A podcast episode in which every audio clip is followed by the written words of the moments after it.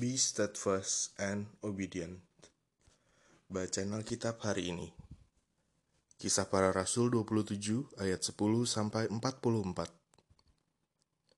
Saudara-saudara, aku lihat bahwa pelayaran kita akan mendatangkan kesukaran-kesukaran dan kerugian besar, bukan saja bagi muatan dan kapal, tetapi juga bagi nyawa kita.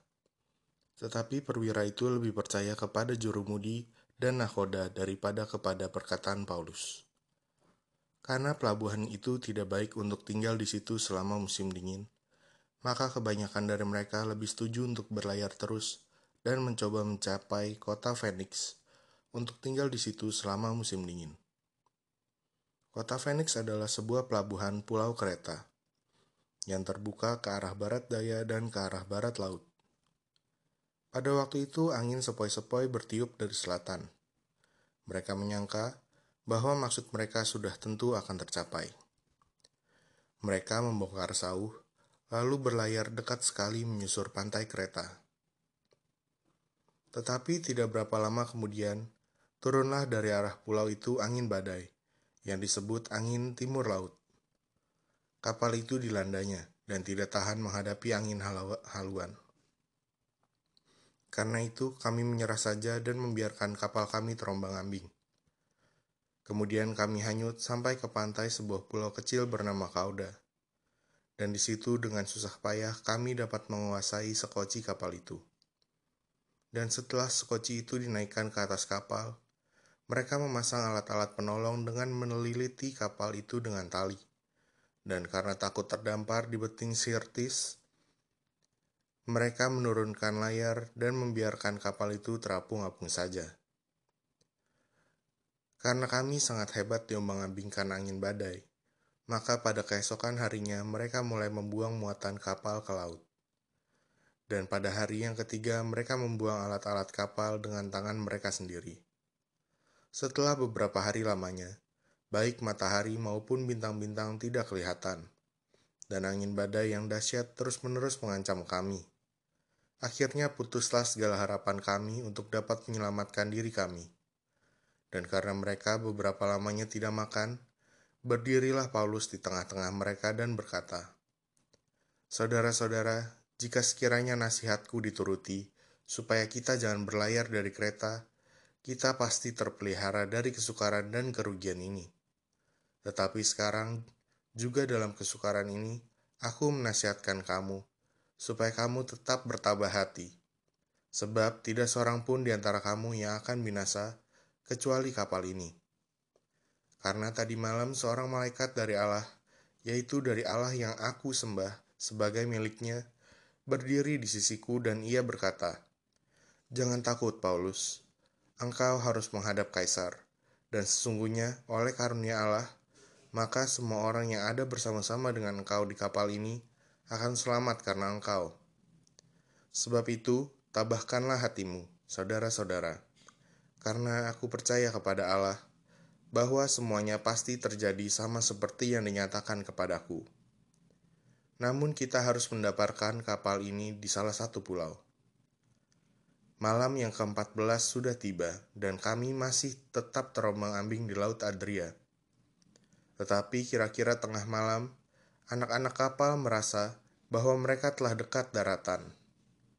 Lalu mereka mengulurkan batu duga dan ternyata air di situ 20 depa dalamnya. Setelah maju sedikit mereka menduga lagi dan ternyata 15 depa. Dan karena takut bahwa kami akan terkandas di salah satu batu karang, mereka membuang empat sauh di buritan, dan kami sangat berharap mudah-mudahan hari lekas siang. Akan tetapi anak-anak kapal berusaha untuk melarikan diri dari kapal. Mereka menurunkan sekoci dan berbuat seolah-olah mereka hendak melabuhkan beberapa sau di haluan. Karena itu Paulus berkata kepada perwira dan prajurit-prajuritnya, "Jika mereka tidak tinggal di kapal, kamu tidak mungkin selamat." Lalu prajurit-prajurit itu memotong tali sekoci dan membiarkannya hanyut. Ketika hari menjelang siang, Paulus mengajak semua orang untuk makan. Katanya, sudah 14 hari lamanya kamu menanti-nanti saja, menahan lapar dan tidak makan apa-apa. Karena itu aku menasihati kamu, supaya kamu makan dahulu. Hal itu perlu untuk selamatan Tidak seorang pun di antara kamu akan kehilangan sehelai pun dari rambut kepalanya. Sesudah berkata demikian, ia mengambil roti, mengucap syukur kepada Allah di hadapan semua mereka. Memecah-mecahkannya lalu mulai makan. Maka kuatlah hati semua orang itu, dan mereka pun makan juga. Jumlah kami semua yang di kapal itu 276 jiwa. Setelah makan kenyang, mereka membuang muatan gandum ke laut untuk meringankan kapal itu. Dan ketika hari mulai siang, mereka melihat suatu teluk yang rata pantainya. Walaupun mereka tidak mengenal daratan itu, mereka memutuskan untuk sedapat mungkin mendamparkan kapal itu ke situ. Mereka melepaskan tali-tali sauh, lalu meninggalkan sauh-sauh itu di dasar laut. Sementara itu mereka mengulurkan tali-tali kemudi, memasang layar topang, supaya angin meniup kapal itu menuju pantai. Tetapi mereka melanggar busung pasir, dan terkandaslah kapal itu. Haluannya terpancang dan tidak dapat bergerak, dan buritannya hancur dipukul oleh gelombang yang hebat. Pada waktu itu, prajurit-prajurit bermaksud untuk membunuh tahanan-tahanan, supaya jangan ada seorang pun yang melarikan diri dengan berenang. Tetapi perwira itu ingin menyelamatkan Paulus. Karena itu, ia menggagalkan maksud mereka dan memerintahkan supaya orang-orang yang pandai berenang lebih dahulu terjun ke laut dan naik ke darat, dan supaya orang-orang lain menyusul dengan mempergunakan papan atau pecahan-pecahan kapal. Demikianlah mereka semua selamat naik ke darat. Ayat hafalan Kisah para Rasul 27 ayat 25 Sebab itu, tabahkanlah hatimu saudara-saudara, karena aku percaya kepada Allah bahwa semuanya pasti terjadi sama seperti yang dinyatakan kepadaku. Renungan inspirasi dalam hidup ini, kita mungkin pernah mengambil sebuah keputusan yang salah. Keputusan yang kita buat malah menjerumuskan kita ke dalam berbagai kesukaran dan kerugian besar. Bacaan Alkitab kita hari ini memberitahu dan mengajarkan satu hal yang penting, bahwa ketika kita tidak bertanya dan mengikuti panduan Tuhan, kita jadi mengerti bahwa tidak semua kesukaran dan kerugian datangnya dari Tuhan.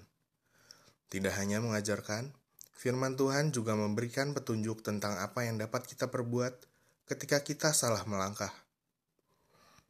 Melalui Rasul Paulus, Tuhan memberikan pimpinannya tentang apa yang harus diperbuat. Sayangnya, perwira Julius lebih percaya dan mengikuti arahan juru mudi dan nahoda kapal. Sepanjang kisah para rasul 27, kita bisa membaca bahwa keadaan mereka di kapal didominasi kesukaran, bahkan nyawa mereka terancam. Mungkin keputusan yang pernah kita buat juga membawa kita pada kesukaran yang tak berujung. Namun lihatlah apa yang Rasul Paulus katakan. Tetapi sekarang juga, dalam kesukaran ini, aku menasihatkan kamu supaya kamu tetap bertabah hati sebab tidak seorang pun di antara kamu yang akan binasa, kecuali kapal ini. Kata bertabah hati berasal dari kata euthemeo, yang berarti tetap gembira, tidak kehilangan sukacita, dan tidak patah semangat. Ini penting bagi kita di tengah kesukaran yang melanda hidup. Jangan sampai kita kehilangan sukacita dan semangat. Sukacita dan semangat akan menjadi daya dorong kita untuk tetap melakukan tindakan-tindakan yang sesuai petunjuk Allah ke depannya. Di samping itu, Rasul Paulus juga terus memperingati perwira dan para prajuritnya untuk tetap taat pada setiap petunjuk yang telah Allah berikan melalui dia. Sedikit demi sedikit, ketaatan mereka atas petunjuk Rasul Paulus membuahkan hasil.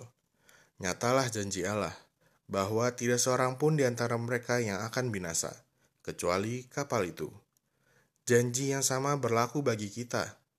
Kesukaran hidup tidak akan membinasakan hidup kita jika kita tetap bertabah hati dan taat pada setiap petunjuknya. Yang harus dilakukan di tengah kesukaran yang kita alami, tabahkanlah hati kita. Jangan sampai kehilangan kegembiraan dan semangat, serta percayai dan tunduklah atas setiap petunjuk Tuhan. Refleksi diri.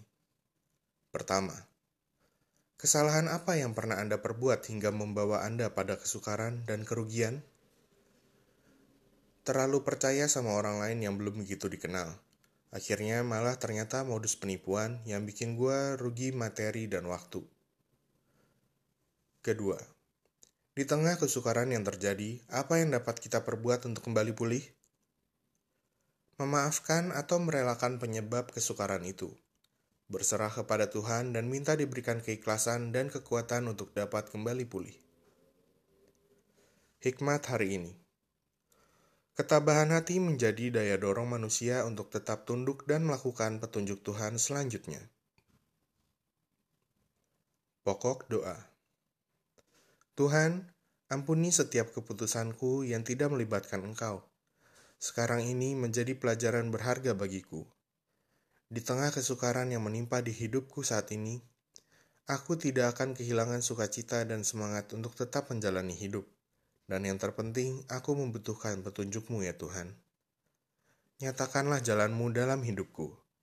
Haleluya. Amin.